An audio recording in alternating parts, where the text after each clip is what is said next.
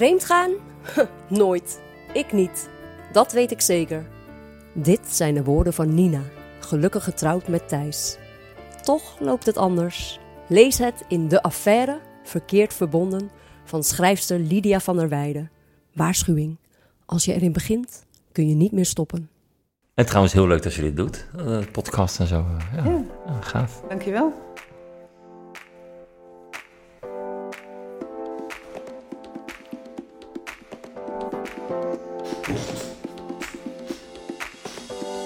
Hi, wat leuk dat je luistert. Dit is Ontrouw Insights. Je hebt te maken met ontrouw. Je bent vreemd gegaan. Of je gaat vreemd. Je bent bedrogen. Of je bent de derde in een driehoeksverhouding. Je loopt rond met schuld of schaamte. En om jou heen zijn vooral oordelen. Deze podcast is voor jou. Je staat er namelijk niet alleen voor. Mijn naam is Annette Burgers en ik ben de ontrouw-expert van Nederland. Je kunt me vinden in mijn praktijk YouTube Coaching in Den Haag. In Ontrouw Insights ga ik in gesprek met experts omdat ze kennis delen, nieuwe inzichten geven, uitdagende vragen stellen, met een interessante bril naar dit taboe onderwerp kijken. Vandaag spreek ik in een, onder, in een Haags onderontje met Magiel de Graaf.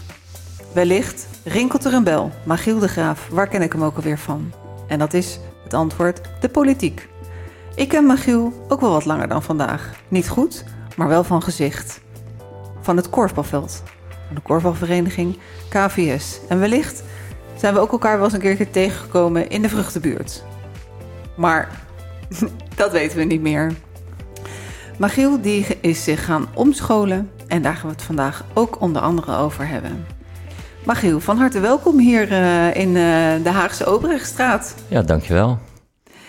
Um, kan je even iets, iets, iets, iets aanvullend vertellen over uh, mijn introductie, de politiek? Waarom ga je de politiek uit? Um, om, nou ja, de eerste reden is de democratie is dood. Dat is mijn invulling van het proces waarin we wereldwijd zitten, globaal zitten of globalistisch zitten. Um, tweede is, is dat mijn, uh, mijn ziel eigenlijk roept dat ik weer terug mag naar mijn authentieke roeping. En dat is, uh, ja, kort samengevat, mijn hele leven heb ik al dingen gedaan in de zin, ja, die kan je samenvatten als, kan ik iets komen verhelpen of kan ik iets helpen voorkomen? En ik heb nu 14 jaar lang getracht iets te helpen voorkomen. En nu ga ik weer terug naar, kan ik iets komen verhelpen? En dat heb ik natuurlijk vroeger als fysiotherapeut ook gedaan. Mm-hmm. En mijn voeling met de politiek en mijn inzichten zijn in de jaren ook gewoon dusdanig veranderd. En de energetische trilling in de plenaire zaal of in de commissiezalen in de Kamer is zo gigantisch laag. Het is, je staat eigenlijk, en dat inzicht is ook steeds meer gekomen de afgelopen vijf jaar. Um, je bent eigenlijk steeds meer aan het debatteren met ja, met elkaars beschermingsmechanismen en dergelijke, of innerlijke kindstukken. Behalve met authentieke mensen. Authentieke mensen kom je eigenlijk in het debat zeker niet tegen. Erbuiten wel. Uh, kan het wel eens een, een, een, voltreffer zijn dat je tijdens de lunch iemand in zijn kern of in zijn hart kan raken, of de ander jou. Maar tijdens de debatten kom je eigenlijk alleen maar, ja, wat ik al zei, beschermingsmechanismen, innerlijke kindsdelen, maskers, ja, ego-laagjes en natuurlijk ideologie. En ideologie is überhaupt ongezond voor een mens. Het is wel een waanzinnig uh, toneel hè, waar je dan uh, jaren in begeven hebt. Ja, inderdaad. Ja, Kende ja, je je eigen rol goed? Uh, steeds beter. Ja, steeds beter. Je denkt hem te kennen als je eraan begint. Tenminste, voor mij gold dat. En ik denk dat voor meerdere mensen geldt. Uh, dat je denkt dat je weet waar je aan begint. En in ieder geval, ik kan alleen voor mezelf spreken als ik weet dat ik er met een goed hart aan begonnen ben.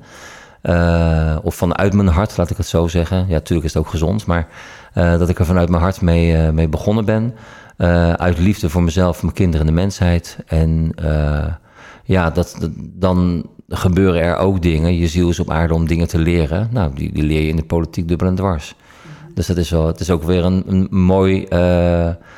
Eh, ondanks bedreigingen, vluchten met je gezin, moeten verhuizen en uh, ja, bedreigd zijn op straat en dergelijke. Dat er dus de lelijke dingen zijn geweest, maar de mooie dingen zijn ook geweest. En ja, ik hoop dat ik iets heb bij kunnen dragen. En ja, dat is het. Met kennis van nu, zou je het, als de klok teruggezet zou kunnen worden, zou je, dan, zou je er weer instappen met de kennis van nu? De kennis van nu, uh, dat weet ik nee. Weet ik, eerlijk gezegd weet ik het gewoon echt niet. Dan zou ik misschien, dan zou ik het boek wat ik erover kan schrijven van tevoren willen lezen en dan een conclusie trekken. Mm Ja. Oké. Hey Magiel, we gaan het vandaag hebben over de liefde, over uh, trouw en ontrouw. Ja. Uh, wat heb jij van de over de liefde meegekregen van huis uit? Um, liefde, uh, dat vooral dat als je voor elkaar kiest, dat je hele leven bij elkaar blijft. Dus dat is een, een, een belofte die je aan elkaar doet. En dan, uh, ondanks wat er gebeurt, je blijft gewoon bij elkaar. Want zo is het nou eenmaal. Zo, vertelt zo ook het, het geloof en zo hoort het. En liefde is vooral iets wat je hoort vanaf de kansel in de kerk over de liefde van God. Uh, en over de liefde van mensen naar elkaar. Maar als je dan goed je ogen open hebt, ook als vijfjarig kind, en je ziet dat het heel anders is, dan uh, trek je al vroeg, denk je andere conclusies te mogen trekken. In ieder geval ben je zodanig in verwarring dat je zeker weet dat het niet zo is als dat je hoort. Mm. En wat heb ik verder van liefde meegekregen? Ja, dat, je lief, dat je lief moet zijn voor elkaar en dat je lief voor elkaar moet zorgen. En ja, daarnaast een, een klein anekdotisch verhaal. Mijn vader ging altijd op zaterdagmorgen naar de visserslag. Hij heeft 14 jaar gevaren vroeger. Op de haring en de vleetvisserij. En uh, wij gingen vaak mee, mijn broer en ik, op zo om half zes naar de visserslag. Met een, met een lege uh, jute tas. En die, uh, of zo'n canvas tas. En die ging dan vol met vis mee terug. Mijn vader bedreef handel met de portemonnee dicht. En uh, dan ging hij de hele dag ging die vis schoonmaken en bakken. En als wij terugkwamen van de korfbalclub, dan gingen wij uh, uh, ja, vis ronddelen bij mensen. iemand die bijvoorbeeld in de steun zat en dat was een schande. Of bij een, bij een weduwvrouw of noem maar op. En dan ging je, en bij familie en bij opa's en oma's. En dan bracht je maaltjes vis langs. En dat is ook liefde, zeg maar de manier waarop je voor elkaar zorgt. In, een sociaal, in het sociale domein. Zeker. Ja. Magiel, leven je ouders nog? Uh, mijn moeder is uh, afgelopen uh, 21 december overleden. En mijn vader leeft nog, die is 85. En die, die zit er nog redelijk kwiek bij. En, en, hoe lang zijn ze samen geweest? Net geen 60 jaar getrouwd. Wauw. Ja, ja, ja. In mijn perceptie, en we gaan het natuurlijk nu hebben over, over ontrouw, lijkt het me zo, zo, zo, zo'n wonder dat je bijna 60 jaar samen bent en dat je nooit verliefd bent uh, op iemand anders. Heb je er iets van meegekregen van je ouders? Uh, nou, wat, wat.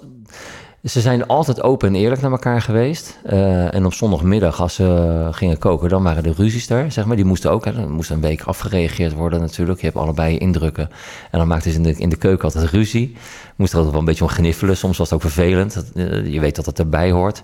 Want de rest van de week waren ze hartstikke lief voor elkaar. En uh, dat ging ook, ook, ook, dat ging in harmonie. En af en toe is met een traan en ook met een lach. En uh, ja, er is altijd wel heel veel interesse in mensen om hen heen geweest. Maar van het ene ding, daar bleef je vanaf. Ja. Dat komt door het geloof. Mede en cultuur. Dus culturele imprints. En, en, maar die zijn ook heel veel bepaald of ernstig bepaald door het geloof. Ja, ja dorp, familie, ja. cultuur, geloof. Ja. Ja, mooi hè, hoe dat, hoe dat je denkt dat je allemaal echt waanzinnig individualistisch bent, maar dat je toch zoveel mee hebt gekregen. Ja, ja precies. Dat zit allemaal in die, uh, in die conditionering. Ja. ja, En wat heeft dat uh, uiteindelijk met jou gedaan, met jouw ontwikkeling? Um, nou, dat heb ik zelf ook meegekregen natuurlijk. En uh, als je dan verliefd wordt, dan denk je ook dat is voor de rest van mijn leven. En dan, ja, dan zijn er signalen tussendoor waaruit blijkt dat het misschien niet zo is. En omdat je je imprints of je conditioneringen, uh, misschien ook je karma, zodanig georganiseerd is dat je, uh, dat je het niet weet te benoemen als je wat anders voelt. Of door de cultuur op Scheveningen, hard werken en, en voor de rest je mond houden, niet klagen, niet zeuren. elke dag kan je laatste dag zijn, want je weet hoe het is op zee. Die cultuur die zit natuurlijk al generaties lang in. En dus klaag je niet als het een keer misgaat of als er een keer wat anders is. En dan ga je gewoon door. Want je hebt geleerd om altijd door te gaan. Ja, tot natuurlijk een keer de bom, of natuurlijk tot een keer, de, wat is in ons geval gebeurd, dat de bom barst omdat het gewoon niet meer samengaat, dat het niet meer past. Ik, ik weet niet wat jouw uh, relatiestatus is. Uh, nou, ik ben net weer uh, een aantal maanden verliefd en weer een relatie. Um, en de moeder van mijn kinderen ben ik, daar heb ik zeg maar 32 jaar verkering mee gehad, vaste verkering. En we hebben drie fantastische dochters van 22, 19 en uh, 16. Ja, ja. Uh, dus hoe is dat voor jou geweest om dan toch uit elkaar te gaan terwijl die boodschap zo meegegeven is van uh, je blijft bij elkaar? Ja, nou ja, dat is uh, ja, achteraf trek je misschien wel hele andere conclusies over hoe is het eigenlijk de afgelopen tien jaar verlopen. Hè, zijn er niet te veel signalen geweest dat het niet meer ging, maar ben je toch doorgegaan terwijl je eigenlijk jezelf en de ander ook, zichzelf, aan het ondermijnen is. Dus dat je eigenlijk ontrouw aan jezelf, als we het toch over het onderwerp hebben, dat je ontrouw aan jezelf bent op dat moment. Alleen, er zit ook een ding, je hebt samen gekozen voor kinderen, dus die breng je samen groot. Dus ook dat, ja, bij mij in ieder geval en ook bij haar was het zo, dat daar zorg je voor. En dat doe je gewoon en je ramt gewoon door. Net zolang tot ze zo, zo groot en volwassen genoeg zijn. Ja, en dan, dan roept het lichaam vanzelf wel. En tot hier en niet verder. Ja. En zo geschieden. En zo geschieden. ja. Hey Maries, uh, ontrouw, uh, de, nou, dan kom, uiteindelijk kom je terecht in een driehoeksverhouding. Uh, welke van de drie rollen ken je? Welke? Oh ja, wij net. Ja. ben je wel eens bedrogen? ben je de derde geweest? Ja, nee, ik ben, ben, ben je de vreemdganger Dan ben geweest? ik degene die bedrogen is in dit geval. Ja, en dat toen dat uitkwam. Toen heb ik ook meteen gezegd, ik heb er geen, geen seconde korter om geslapen. Ik ben meteen gaan staan in de houding van, we gaan hier wat aan doen. En moet zorgen, er bleek de derde zeg maar, is iemand met een narcistische persoonlijkheidsstoornis. Dus daar kwam angst bij kijken. En, maar gediagnosticeerd of... Um, wat zover ik, nee, niet gediagnosticeerd, maar ik weet het wel van, vanuit gedrag en vanuit zijn vrouw. En, uh, en wat ik zelf gezien heb. En zelf meegemaakt heb op vakanties en dergelijke. En dan, dan, dan is het, nou ja, zo helder als glas. Dat is altijd wel gevaarlijk, hè? Want in ja, de, in de, ja, maar toch. het is, dit is een heftige. Het, het, is, het is een heftige. uh, uh, van vrouwen wordt vaak gezegd, oh, dat is een borderliner. Van mannen mm -hmm. wordt uh, heel vaak gezegd, dat is een narcist. Uh, ik, ik, ken hem ook. Ik heb ook wel een, een, relatie gehad, maar dan zeg ik voorzichtigheidshalve. Want we hebben allemaal narcistische kenmerken. Ja. Van, hij had bovengemiddelde narcistische kenmerken. Ja, nou laten we het zo noemen. Ja, ja dat, zo is noemen. wat. ja. ja. Okay. Maar, nou heb ik de hardste lessen in mijn leven geleerd van de mensen met dit soort kenmerken. Dus Mhm. ze zijn, ik ben ze ook altijd wel weer dankbaar achteraf. Ja. Voor alle lessen. Voor alle lessen. De, de levenslessen die. Ja, die, die leer ik via mensen met bovengemiddelde narcistische trekjes. Ja, dus een groot dankjewel. Maar de, de meeste, of de beste, of de zwaarste, of de mooiste, de diepste levenslessen, die staan natuurlijk nooit op je verlanglijstje van welke cursus ga ik nou eens volgen. Nee, precies. Nee. ja, dus die, die komen vooral te onpas. Ja. Uh, zelden te pas, meer te onpas en dan komen ze op je pad. Uh, had jij het stukje zelf ontdekt? Was je erachter gekomen? Nee, ze heeft het mij verteld in alle eerlijkheid. En ik heb ook meteen gezegd, we gaan hier wat aan doen. We gaan zorgen dat we uit deze situatie komen. En uh, ja, dat, gewoon vanuit, ook vanuit de reflex, maar ook gewoon puur vanuit de liefde die je onderling hebt. Van oké, weet je, dit kan iedereen overkomen. En uh, dan moeten we kijken wat de oorzaak is daarachter. Nou, die ligt dan bij allebei, want dan, dan, dan, dan is er iets in de relatie niet goed.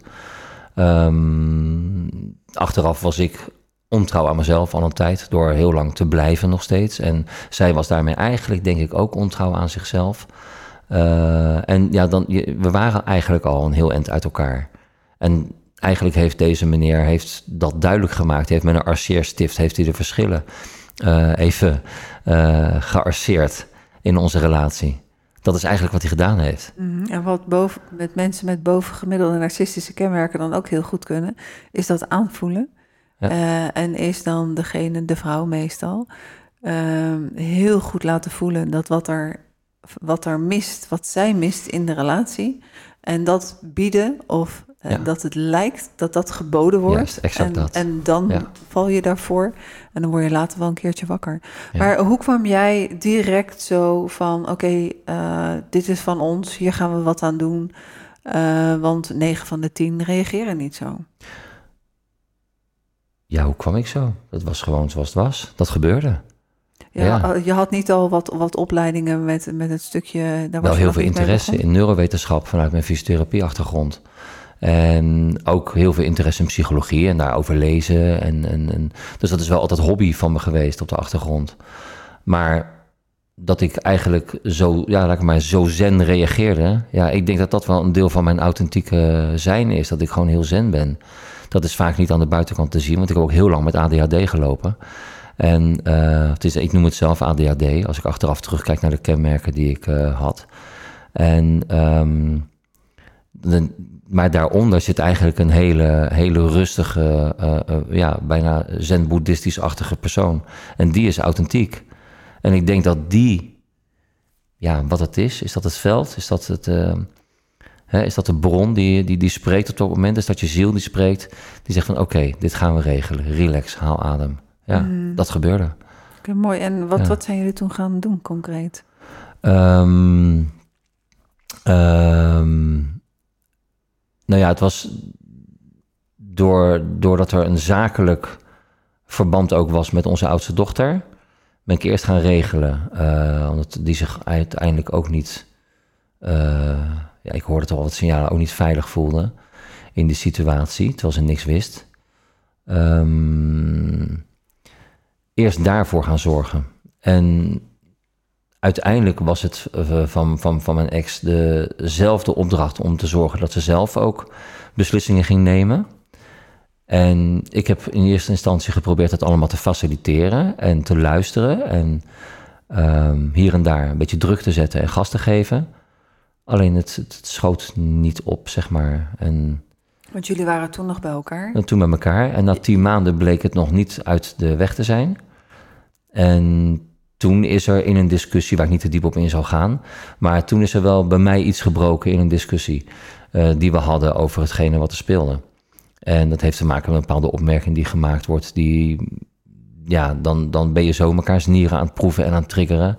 Maar daar werd ik wel echt diep geraakt. En uit die opmerking bleek dat er geen vertrouwen was in mij, maar dat dat Ik noemde het toen natuurlijk vanwege mijn achtergrond. Nou, er wordt een motie van wantrouwen tegen mij ingediend in dit verhaal. Maar ik denk dat het een spiegel is. Dat er geen vertrouwen is eh, eh, in het eigen eh, functioneren, relationeel gezien of in het leven of wat dan ook. En dat is heel triest, maar ik denk dat dat zo was. En ja, toen, toen brak het voor mij. En toen heeft het nog een hele tijd geduurd voordat mijn lichaam zei: Dit kan niet meer verder. Dat heeft toen nog weer tien maanden geduurd. En toen lag ik op een gegeven moment, vond ik mezelf terug elke ochtend ja, echt als een, als een negentiger met artrose uit bed komend, liggend in embryohouding. Overal pukkeltjes in mijn onderhuidse bindweefsel kon ik voelen. Overal bobbeltjes. Ik denk, wat is er met mij aan de hand? Kon niet meer bewegen, terwijl ik ben heel sportief en altijd, eh, altijd bezig. Ik zwem elke dag in de zee. En nou, dat hield me dan, dan een beetje bovenop. Want dan heb je je sociale contacten en, eh, ja, en ook die prikkel van de zee zelf en van de kou die heel veel moois met je doet. Dat, dat maskeert dan. Het heeft me gered, maar het heeft ook heel veel gemaskeerd. Mhm. En daardoor heeft het misschien allemaal wat langer geduurd voordat die bom uiteindelijk bij mij dan lichamelijk en mentaal barstte. Ja, Ja, bizar Ja. is het altijd hoe het in je lijf gaat zitten. ja letterlijk. Ja, ja mooie les. Ja.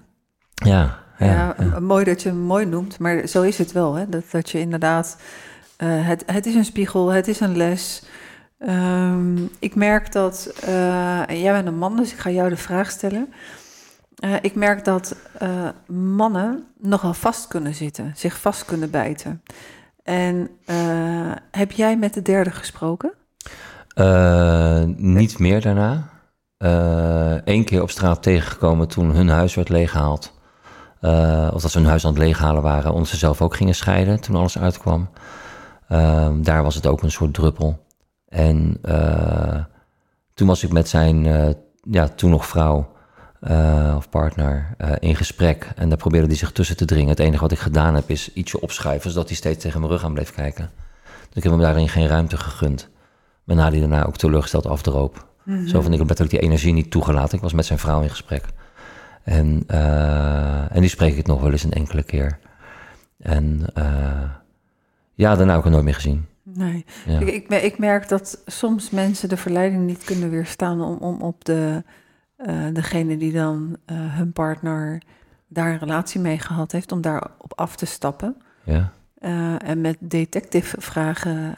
Oh, nee, totaal geen behoefte aan. aan de slag te gaan. Waarbij ze het zichzelf ongelooflijk moe, Ja, moeilijk maken. Dat is, allemaal, dat is, verloren energie, dat is achteruit schaken. ja. Ja, ja, tempo verliezen. En, en, en dat maakt het herstel stukken moeilijker. Ja, Want wat je eenmaal dan weet en op je netvlies hebt staan. Maar het lijkt mij dat, dat eh, wat ik zie, en dat is absoluut niet wetenschappelijk bewezen, dat dat vaker bij mannen voorkomt. Dat ze zich daar zo in vastbijten en dat ze het ontpoppen tot een ongelofelijke detective. ja. Die alle, alle data eh, verzamelen en, en alle gegevens willen. En zodat ze dat wat lastiger los kunnen laten dan vrouwen. Heb je een idee wat dat het man-vrouw. eh, Ja, dan komt, ik denk dat dan die lul boven komt. Omdat je eh, biologisch gezien, eh, de vrouw zit op het nest en de man gaat eh, vlees en zaadjes en dergelijke jagen en halen. En ik, ik, ik simplificeer maar even. Ik denk dat dat, dat, van biologische oorsprong zou kunnen zijn.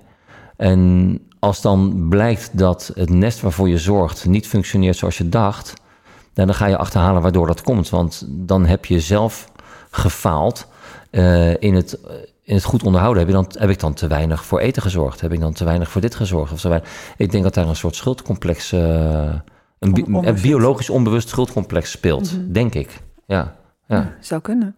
Maar, Ja. maar hoe kom je dan weer tot, eh, tot jezelf?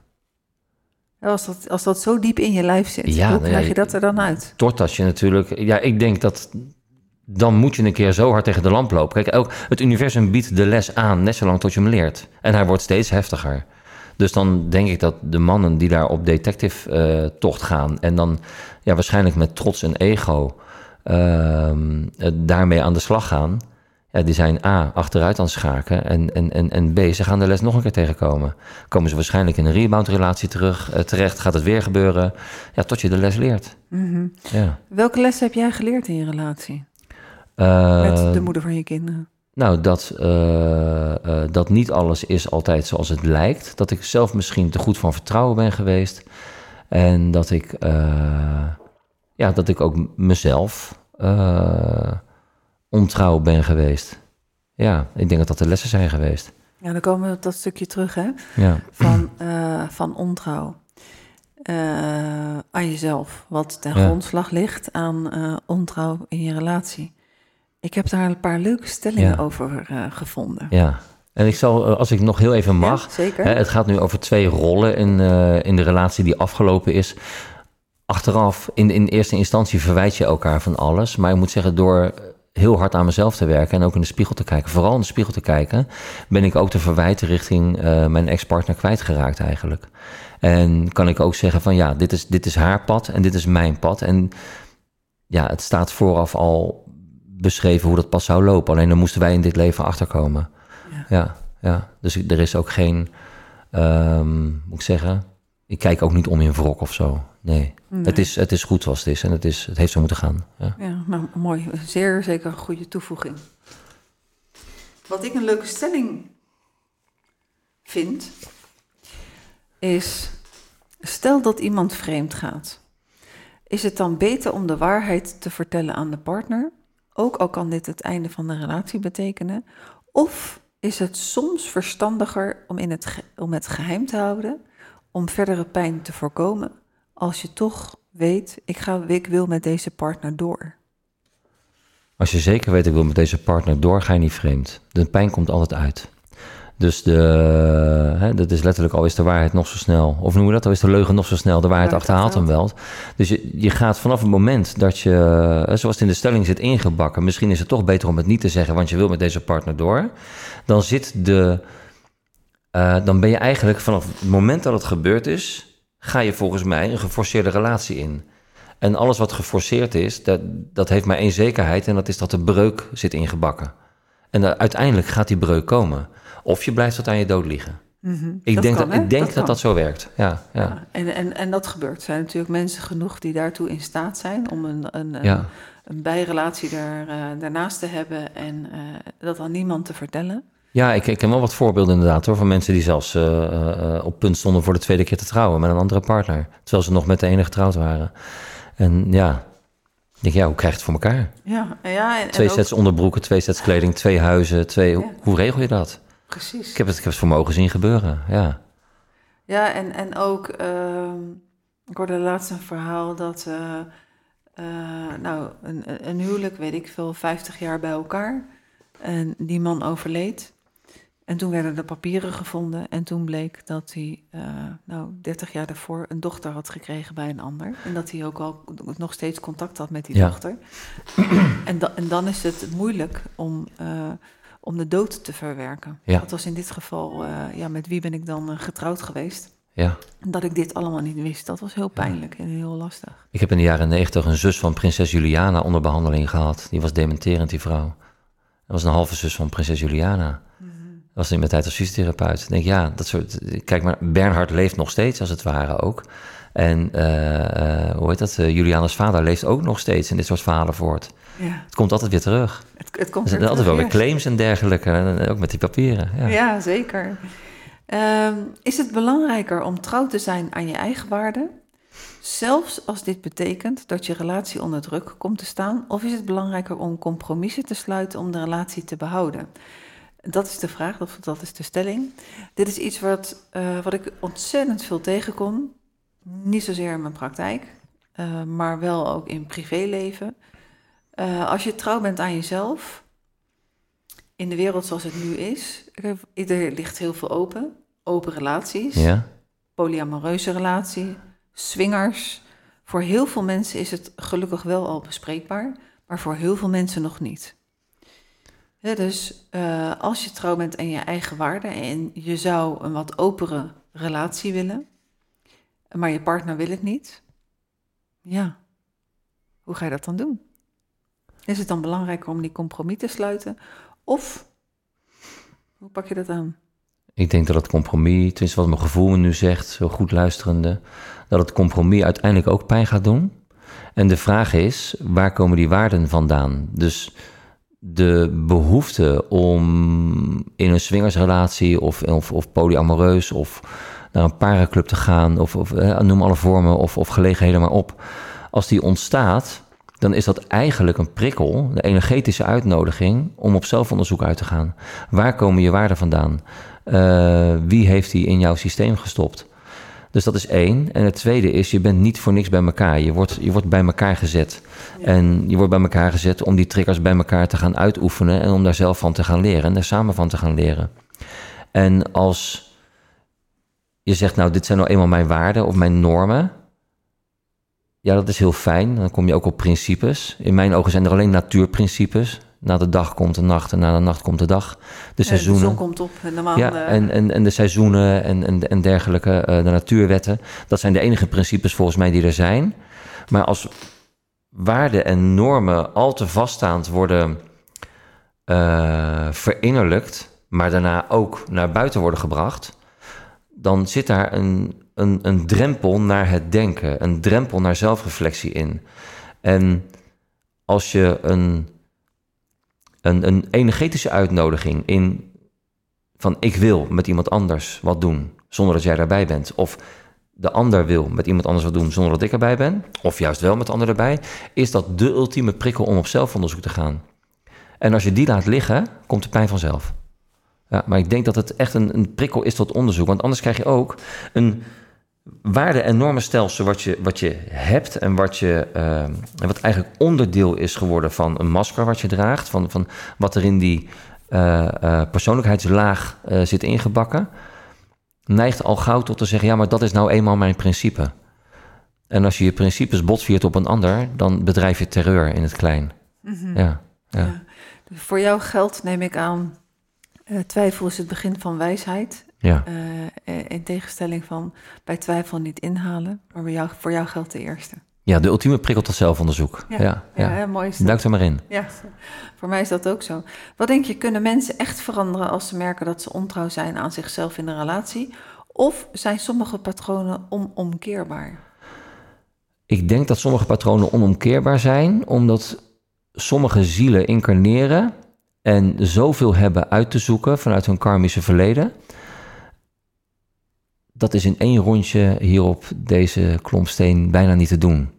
En daarvan zie ik ook voorbeelden in mijn omgeving dat ik denk van er is zoveel pijn te verwerken, er is zoveel te leren, er openen zich zoveel karmische wonden die zich dan presenteren zo in die eerste 14 jaar van je leven. Daar heb je tot je negentigste uh, te weinig tijd voor.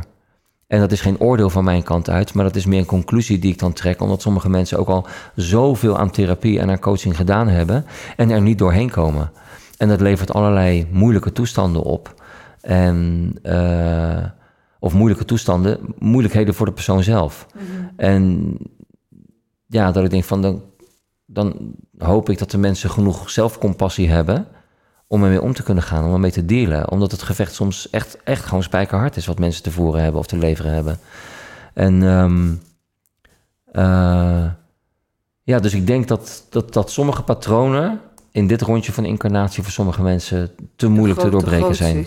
Ja, of het bedekken van de patronen, of het bedekken van de wonden die er zijn, of die zich geopenbaard hebben uh, in die eerste 14 jaar die zijn soms, hè, dan zijn de bedekkende patronen, zoals het misbruik van alcohol of, de, of het roken, blowen, eh, drugs gebruiken uh, of andere soorten verslaving, die zijn soms zo heftig, die slaan soms zo heftig door, dat het bijna niet meer te doen is om daarvan terug te keren, omdat dan de, de schade aan het fysieke lichaam te groot is geworden. Ja. Wat weegt zwaarder in een relatie? Trouw blijven aan jezelf of het streven naar harmonie en stabiliteit in de relatie, zelfs als dat ten koste gaat van je eigen behoeften? Wat weegt zwaarder? Um, ik denk uiteindelijk toch het eerste, want het tweede, dat is wat ik zelf gedaan heb en dat is me duur komen te staan. Mhm. Tenminste, dat heeft me een hele wijze les opgeleverd. Maar op het moment zelf voel je het alsof het duur komen te staan is, want dan moet je er heel veel pijn heen. En in een gezonde relatie, dat is ook wat ik geleerd heb, spreek je al je behoeften spreek je uit. En is er geen, is er geen denken aan dat de een de ander beperkt in het alleen maar uitspreken van die behoeften. Ja, dus ik denk dat het trouw zijn aan jezelf nog steeds het belangrijkste is. Je wordt zelf geboren, je gaat zelf weer heen. En tussendoor moet je het samen doen, of moet, mag je het samen doen, mag je dingen van elkaar leren. Maar ja, je, je, je bent in je uppie door je moeder ter wereld gebracht. En je wordt in je uppie weer weggedragen. Dus daar zit hij dat zijn maar heel weinig mensen die, die tegelijk met z'n tweeën gaan. Ja. ja. en dan nog doen ze het allebei zelf. Precies, hè? Nog is, de, is het, het proces van gaan, is, is dat eentje van jezelf. Ehm, zijn er dingen waarvan jij denkt binnen jouw nieuwe relatie, ehm, waar jij moeite mee zou hebben als zij daarmee zou komen? Of ben jij op dit moment zo relaxed, zo zen, dat alles bespreekbaar is en, uh, en uh, dat je daar ook echt, dat niet alleen maar om een goed antwoord te geven, maar dat je daar echt ook relaxed mee kan zijn? Ja, wij, zitten echt in een fase dat letterlijk alles bespreekbaar is. Uh, iedere je, trigger. Zit nog in, in die verliefdheidsfase? Ja, er zit, nog, er zit nog heel veel verliefdheid op, ja. Situationele gekte? Ja, hoe, zei Jong het ook alweer? Het is een, het is een tijdelijke vernaming van het bewustzijn. Uh, toch geloof ik is het. Maar het mooie is dat we er ook allebei doorheen kijken. Door die vernauwing heen. Dus het is en verliefd. De schakel naar liefde is ook al gemaakt. Maar er zit ook al een hele grote energetische poort naar toekomstig kijken. En, en ook door elkaar heen mogen kijken. Dus ja, het grappige, we zijn allebei volledig transparant voor elkaar. Het kan ook zijn dat je in een verliefdheidsfase, uh, kunnen er ook nog wel angsten spelen of zo. Mm, en in de, in de, meeste verliefdheidsfases zie je ook alleen maar de positieve dingen van elkaar. Ziet zij al iets, iets in jou wat, wat wat minder leuk is? Nee, ja, kleine, misschien kleine dingetjes. Natuurlijk uh, verschil je van elkaar. Ik ben wat, wat, wat, wat extraverter en zij wat introverter. Als dat iets te veel uit elkaar ligt, dan moet je elkaar even helpen daarmee. Maar dat hoeft niet te ergeren. En daar ligt nou precies van... Hè, als de een uh, even tijd voor en wat meer me-time heet dat tegenwoordig, uh, geloof ik, uh, nodig heeft, ja, gun elkaar dan die me-time. En dat ligt letterlijk zo open. Maar het is ook wel bijzonder, wij hebben elkaar leren kennen door zo'n eye-gazing oefening in de opleiding die we gedaan hebben bij, bij Bridgman. En als je elkaar tien minuten echt vol in de, in de ogen moet aankijken, dan leer je zoveel van elkaar. En dan mag het daarna inderdaad gerust nog tien maanden duren voordat het wat wordt. Of bij ons eh, zelfs bijna twaalf maanden. En, uh, maar voordat er iets op gang komt. Maar dan is er al zoveel zielsenergie uitgewisseld. En vervolgens ga je vol voor de opleiding. Eh, en daarna komt er ineens op de laatste lesdag eh, wordt er een hengeltje uitgegooid.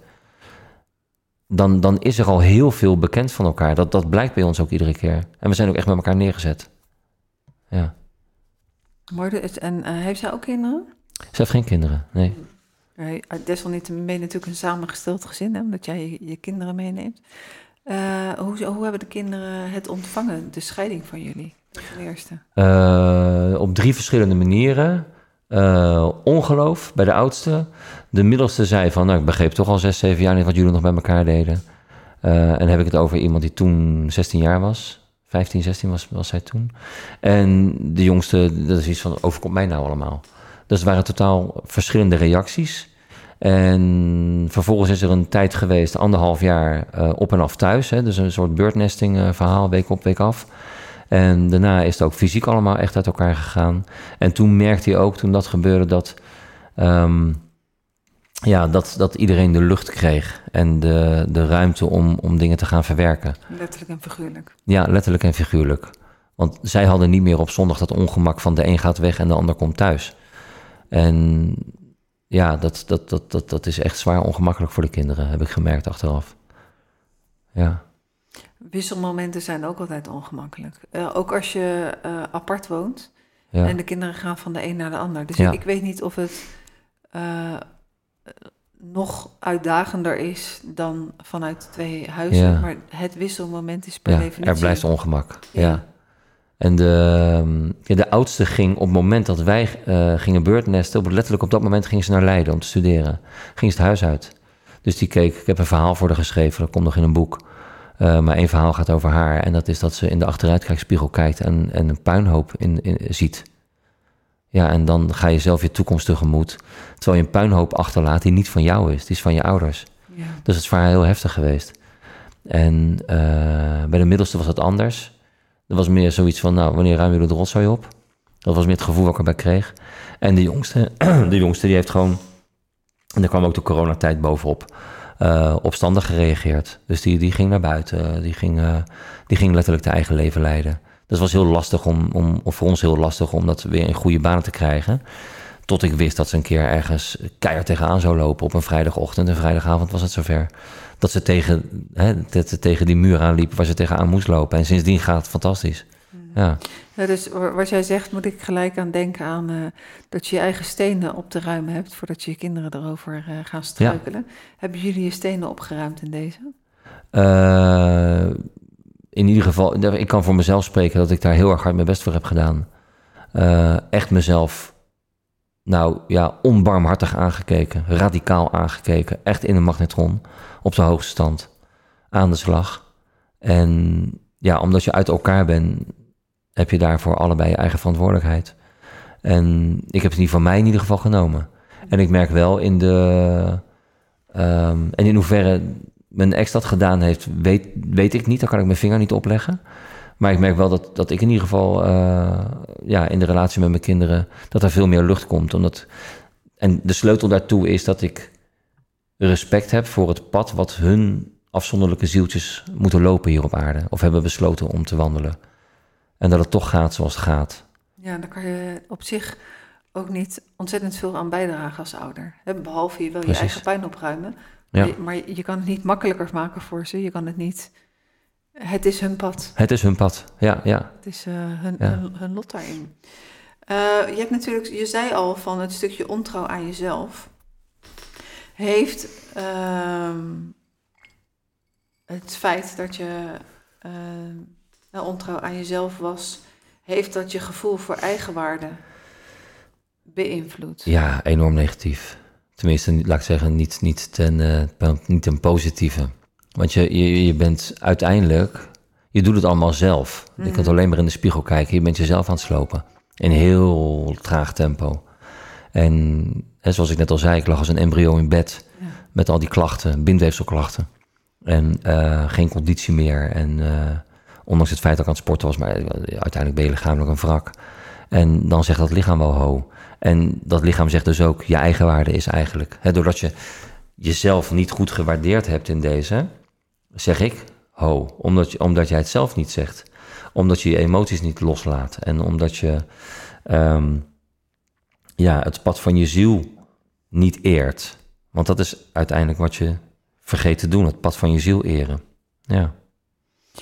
Ik denk dat heel veel mensen in, in uh, de, de rol van degene die vreemd gaat, dat niet vertellen aan anderen. En dat ze een Hmm. soort van gegijzeld zijn in zichzelf. Want de oordelen van anderen zijn best pittig. Ja, Dus wie ga je in vertrouwen nemen? Eh, zeer zeker als je ja, in een bepaald kringetje bent, eh, dan kent iedereen je partner. Dus ja, al, als je het aan iemand vertelt, dan geef je diegene eigenlijk ook een steen in de maag. ja, van, eh, ja, die moet meetoneel spelen, want die Ja. weet ineens een hoop. Ehm, het gegijzeld voelen in jezelf, dat, dat is eh, heel pittig. Je kan geen kant op. Ehm, misschien is de, de schaamte ook groot om naar een, eh, een therapeut te gaan. Ja, eigenlijk is het een vicieuze cirkel waar je, waar- Ja. die opengebroken moet worden. Je kan niet anders dan, dan iets gaan doen. ja, het is een energetische uitnodiging. Al dit soort dingen zijn energetische uitnodigingen. Om iets te gaan doen. Ja. Ja. Je, kan geen andere kant op uiteindelijk. Ja, en eh, konden we het allemaal maar op tijd weten, zodat het onze kinderen al vanaf vroeg konden leren en het perfecte voorbeeld konden geven. Alleen je kunt ze niet traumavrij opvoeden. Nee. Dat is onmogelijk. En, eh, en daar mogen ze dan ook weer van leren. Eh, maar konden we onze kinderen maar op een of andere manier vertellen dat niet ons lichaam de basis is dat een leven leidt waar een ziel in zit, maar dat onze ziel de basis is met het lichaam als voertuig om hier een les te leren. En als we vanuit die filosofie onze kinderen op zouden kunnen voeden, en misschien op school dat ook al zou leren, dan denk ik dat je een hoop kan voorkomen. Nou, dit is een geweldig bruggetje naar de volgende vraag, Magiel. Je bent natuurlijk nu de politiek uit. Ja, Er zijn verkiezingen. ja, hè, Dus als deze podcast eh, online komt, zijn die al geweest.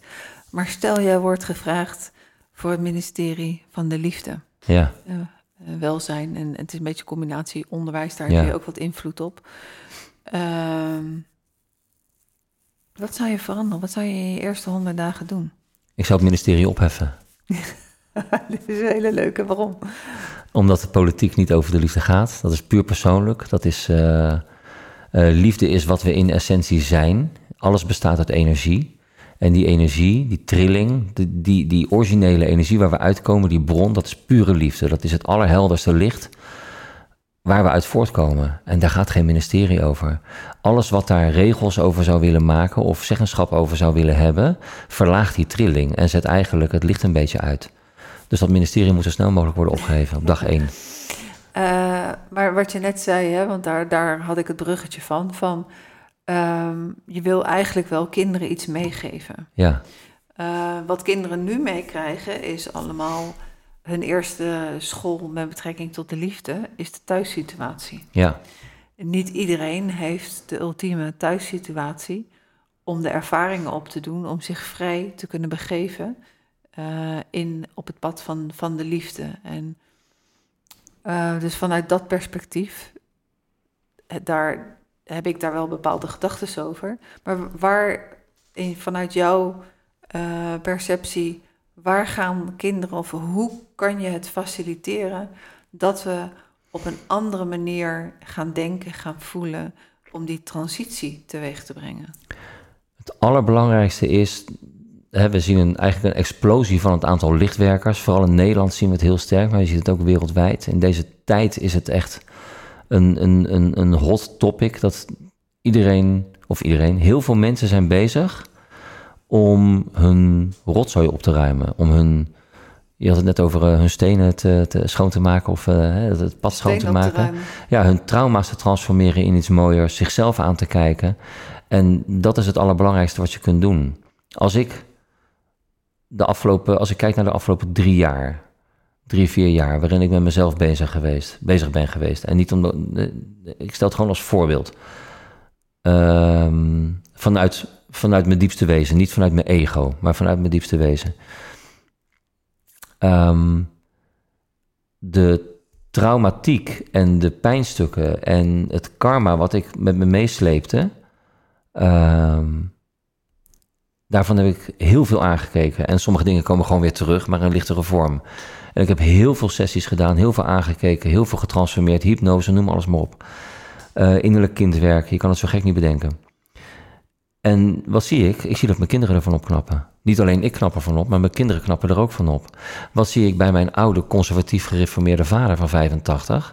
Dat hij de afgelopen jaren steeds meer interesse krijgt in hetgene wat ik aan het doen ben op dit vlak. Zie je wel dat het anders is dan me verteld is vroeger? Zegt hij van de week nog tegen me. Oh. Ja, zie je wel dat het anders is? En als zijn, zijn vrouw naast hem op de bank zit, terwijl ze al een half jaar overleden is, en ze praat tegen hem. En het is zo'n heldere, zo'n hele stevig aanwezige energie die hij ervaart als een fysieke aanwezigheid van zijn vrouw. En dat eerst niet kan duiden, maar vervolgens, een dag later in de kerk, iemand tegenkomt die bij een gemeentelijke, over kerkgemeentelijke fusie kende die die vrouw niet, maar die zegt: Je krijgt de groeten van Sientje, het gaat goed met haar. Sientje was mijn moeder, of is mijn moeder. En mijn vader zegt: Hoe kan het nou? Ze is al een half jaar overleden. Zij zegt: Ja, maar ik heb uh, gisteren nog contact met haar gehad en ik heb haar naar je toegestuurd. Wauw. Wauw. En denk van ja, dus. En dat, dat heeft te maken met het feit dat ik mijn kanaal aan het opschonen ben.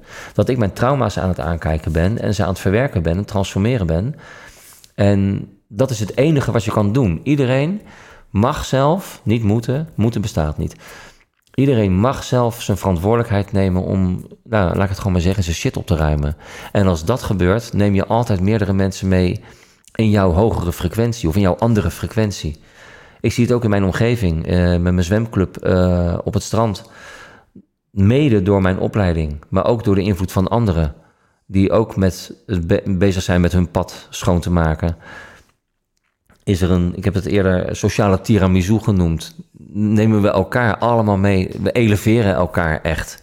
Iedereen beweegt lichter. Uh, iedereen is lichter geworden. Iedereen is meer licht geworden. Iedereen is bezig met. Uh, dan komt weer een. Michiel, kan je die podcast is uh, waar je het over had toen? Met bijvoorbeeld een Maarten Oversier of.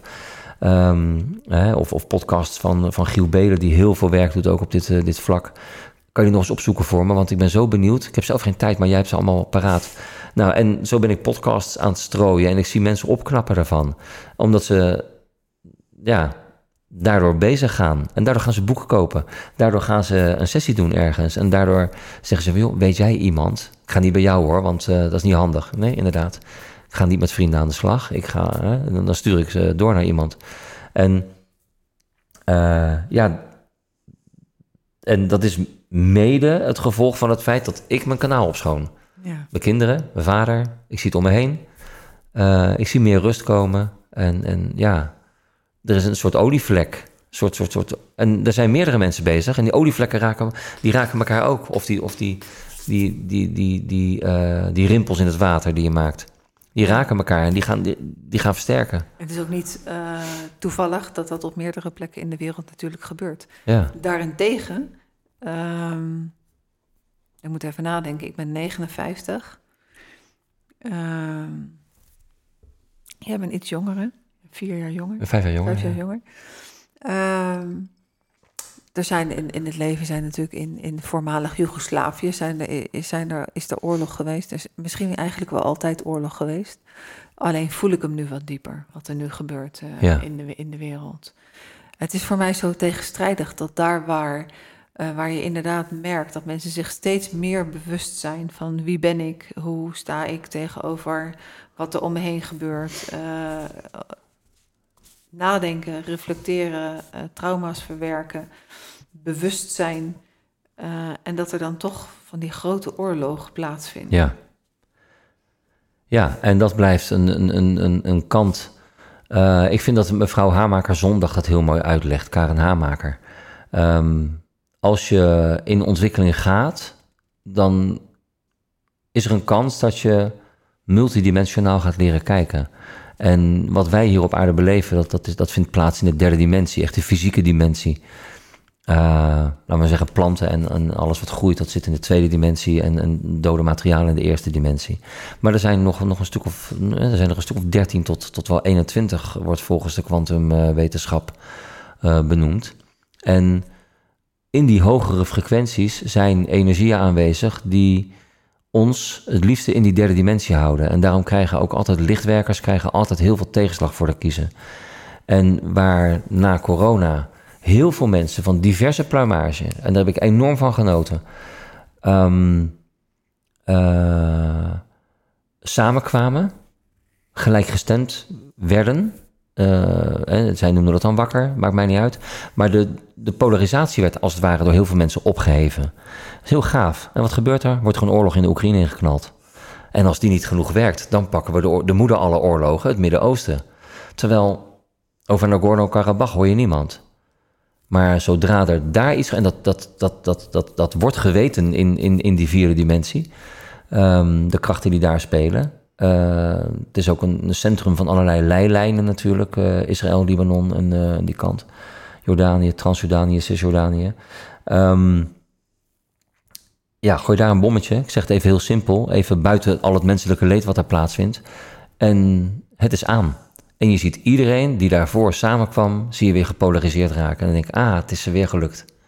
Maar het zijn krachten uit een andere dimensie die dat doen. En daarom worden ook altijd mensen die, die, die, die, die op een bepaalde manier, op een of andere manier licht komen brengen op de wereld, worden altijd dwars gezeten. Die krijgen altijd met heel veel tegenslag of heel veel uh, tegenstand krijgen ze te maken. Want stel je voor dat de mensen doorkrijgen dat ze bestaan uit energie, bewustzijn en informatie. En dat ze niet alleen dat fysieke lichaam zijn. En stel je voor dat ze zichzelf verantwoordelijk gaan achter voor hun eigen leven. Ja, dan heeft een overheid geen macht meer. Dan, hebben, dan heeft het bedrijfsleven internationaal, dat hele grote bedrijfsleven, geen macht meer. Dan hebben ideologieën geen macht meer. En dan, dan hebben ook religies en geloven of religieuze ideologieën hebben geen macht meer. Het gaat allemaal om macht. Mm En uh, ja, mijn, mijn, mijn gevoel is dat het uit die richting komt. En daar hebben we heel weinig grip op. Het enige wat we kunnen doen is goed voor onszelf zorgen. En vooral niet te snel reageren. Wat ik zelf vroeger in de politiek wel deed. Uh, dat heb ik wel afgeleerd. Wacht heel even een weekje en ga goed kijken van afstand. Zoom uit en ga kijken wat er aan de hand is. En uh, als iedereen de conclusie gaat trekken uh, dat het puur gaat om medemenselijkheid, ja, dan, dan, dan ben je al een stap verder. En de mensen mogen zichzelf afvragen van waarom. Dat vind ik zelf een mooie lakmoesproef altijd. Van waar ben ik aangeslagen? Waarom sloeg ik aan op het Oekraïne-conflict? Uh, en sloeg ik minder aan op Nagorno-Karabakh? En waarom zei ik meteen toen Hamas Israël binnenviel... ik ga even achterover zitten. Ik ga eens heel goed kijken wat hier gaat gebeuren. En dan buiten het menselijke leed wat er plaatsvindt. Je zal maar op een festival staan en daar dan met je hoofd, uh, en verbrand, je hoofd eraf en verbrand ergens terug worden gevonden in een put. Um, en dan ook de reactie die daarop volgt. En die zal er maar in zitten. En ook daar zijn zielen die iets te leren hebben. Klinkt heel, heel hard. Althazar Rossiter, een van de leraren van onze opleiding, die zegt ook vanuit zielsperspectief, dus dat moet heel goed worden uitgelegd, niet vanuit lichamelijk 3D eh, fysiek perspectief, uh, maar vanuit zielsperspectief, vanuit de zielwereld bekeken, bestaan er geen slachtoffers, maar alleen maar vrijwilligers. Maar dat is een hele harde, een hele vergaande. En die kun je ook alleen maar vanuit. Ik herhaal het echt het liefst duizend keer voordat ik erop aangeklaagd word. Um, het is letterlijk vanuit karmisch zielsperspectief, zeg maar, dat, het, dat je dat kunt zeggen, kunt benoemen. En dat gaat om de lessen die we in de wereld met z'n allen te leren hebben. En hoe eerder we met z'n allen die lessen aankijken, ja, hoe, hoe mooier het wordt met z'n allen. Ik denk dat ik nooit uitgeleerd ben. Nee, je bent nooit uitgeleerd. Nee. Nee, en dan gaan we de volgende ronde gewoon weer. Precies. Ja. Kom elkaar weer tegen. Ja. Interview ik jou. Ja, Ja, hartstikke leuk. Hé, hey, Magiel, uh, we gaan heel langzamerhand naar de afronding. ja. Um, welke tip zou jij de luisteraar mee willen geven die in, in, in, zeg maar op slot zit in de driehoek van ontrouw? En dus ook wel op slot zit in zichzelf. Kijk jezelf onbarmhartig aan en ga je werk doen. Want als je in deze situatie terechtkomt, zoals ik net al benoemde, is het een ultieme energetische uitnodiging om heel veel van jezelf te leren. En om te gaan leren wat je hier op aarde komt doen. En zoek dan een goede coach of een transformatief coach, een traumatherapeut, uh, een relatiecoach. Uh, en ga uitzoeken waarom dit gebeurt met jou. Want het gebeurt met jou. En dat heeft effect op die ander. Maar alle drie in die driehoek hebben zichzelf aan te kijken. Want ze vinden, je bevindt je in een, ja, in, een- in, in een hele bizarre eh, eh, uiting van de drama-driehoek, als het ware. Ja. Er is alleen, ja, wie is de helper in dit geval? Maar hè, die, die rollen liggen net iets anders. Ehm, en de dader is slachtoffer en de slachtoffer is dader. En, en nou ja, het loopt allemaal door elkaar. Dus het is een hele interessante. Maar het allerbelangrijkste is, ga aan de slag. En ga niet wachten tot de overheid het voor je regelt. Ga ook niet wachten tot je buurvrouw het regelt. Ga niet wachten tot het barst. Ja, ik heb ook die les moeten leren, maar daarom kan ik nu adviseren.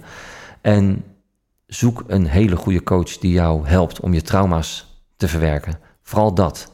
Trek de trauma's onder het bestaan uit. En kijk ze aan. En maak het leven op die manier lichter voor jezelf. En dan gaat ook het licht om je heen meer schijnen. En dan wordt ook de verwerking, denk ik, eh, wordt, wordt eenvoudiger. Omdat je Wordt dichter bij je authenticiteit komt. Hoe authentieker je wordt, hoe dichter bij dat mensje dat net geboren was. Zonder imprints, zonder eh, conditionering en programmering, zonder karmische wonden nog. Zo, eh, als je het allemaal aangaat om te verwerken, ja, dat- dat, dat kost wel een paar centen. Maar die sigaretten, die drugs en die, die drank die je gebruikt om de pijn te bedekken, kost veel meer. Kost uiteindelijk ook je gezondheid. Kost veel geld, maar uiteindelijk ook je gezondheid en je relatie. En nog meer ellende, want dan moet je nog eens een keer die les gaan leren. Dus ga aan de slag. Ja, en sowieso komt die les nog wel een paar keer voorbij, maar hij wordt wel wat makkelijker. Hij wordt makkelijker, hij wordt lichter. Precies, ja, ja, ja. Maar Giel, welke vraag heb ik je niet gesteld en wil jij toch nog alsnog antwoord op geven? Jeetje, daar heb ik niet over nagedacht. Ehm, nou, dat weet ik echt eh, zo, zo, zo, zo eenvoudigweg niet te verzinnen. Nee, ik, ik heb geen flauw idee. Nee, we hebben zo'n mooi gesprek, vind ik, gehad. Mooie vragen. En eh, ja, waar kunnen mensen mij vinden? Ja, waar kunnen ze je vinden? Ja, gewoon op Instagram, Magiel de Graaf. Of op Facebook hetzelfde. Website komt binnenkort in de lucht. Oh, die zal bij het verschijnen van de podcast zal die er zijn. Ehm, en ja, welkom. Hartstikke goed. En ik heb nog eventjes iets, een onderontje. Ooit kwam mijn dochter thuis met de mededeling dat jij had onderzocht wat het veiligste land op dat moment was in de wereld. Dat was toen Uruguay. Uruguay. Ja, Uruguay. Ja, ja, ja, mooi hè? Ja, ik weet niet of het nu nog zo is, maar eh, dat, Ja. dat, eh, wat was de reden waarom je dat toen onderzocht had? Ehm, omdat ik ging kijken naar. eh, dat was in de tijd, volgens mij, dat met de opkomst van, van, van IS en dergelijke. Volgens mij is dat een jaar of tien terug. En eh, toen hadden we daar een gesprekje over op KVS. Heel leuk, was echt leuk. En eh, je dochter, die, die, die, die net een iets andere mening had dan ik daarover. Nou, heel leuk. Het was, was gewoon echt een mooi, want er was heel veel respect. En dat is er natuurlijk nog steeds natuurlijk. Maar dat, er was in dat gesprek, gesprek heel veel respect voor elkaar en voor elkaars mening. En eh, er was toen net een onderzoek uitgekomen van wat is nou echt het, veiligste land om te leven. En dat was Uruguay. En dat vond ik wel mooi, want Uruguay heeft een Nederlands klimaat, maar telt er een graad of acht bij op. Door alle seizoenen heen. Volgens mij is dat ongeveer. Ik heb er ook een vriend wonen. En die, eh, ja, die, die, die zegt altijd, kom nou maar hier. Kom nou maar hier. ja. Ja, en ik, en ik hield me bezig met veiligheid en met terrorisme en dergelijke in de Kamer. Dus vandaar dat ik dat onderzoek gelezen had. Ja, Ja, nou, Ja. mooi. Magiel, super dankjewel graag gedaan. voor het mooie gesprek. Jij dankjewel. En eh, jij als luisteraar, dankjewel voor het luisteren. Blijf me volgen met deze mooie serie. Met vooral mooie ontmoetingen. Met mooie mensen waar je wat van kan leren. Als je daarvoor open staat. En waar je baat bij kan hebben. Zeer zeker in de driehoek van ontrouw. En maar zeker ook puur voor je eigen ontwikkeling. Wees welkom. Dank voor het luisteren.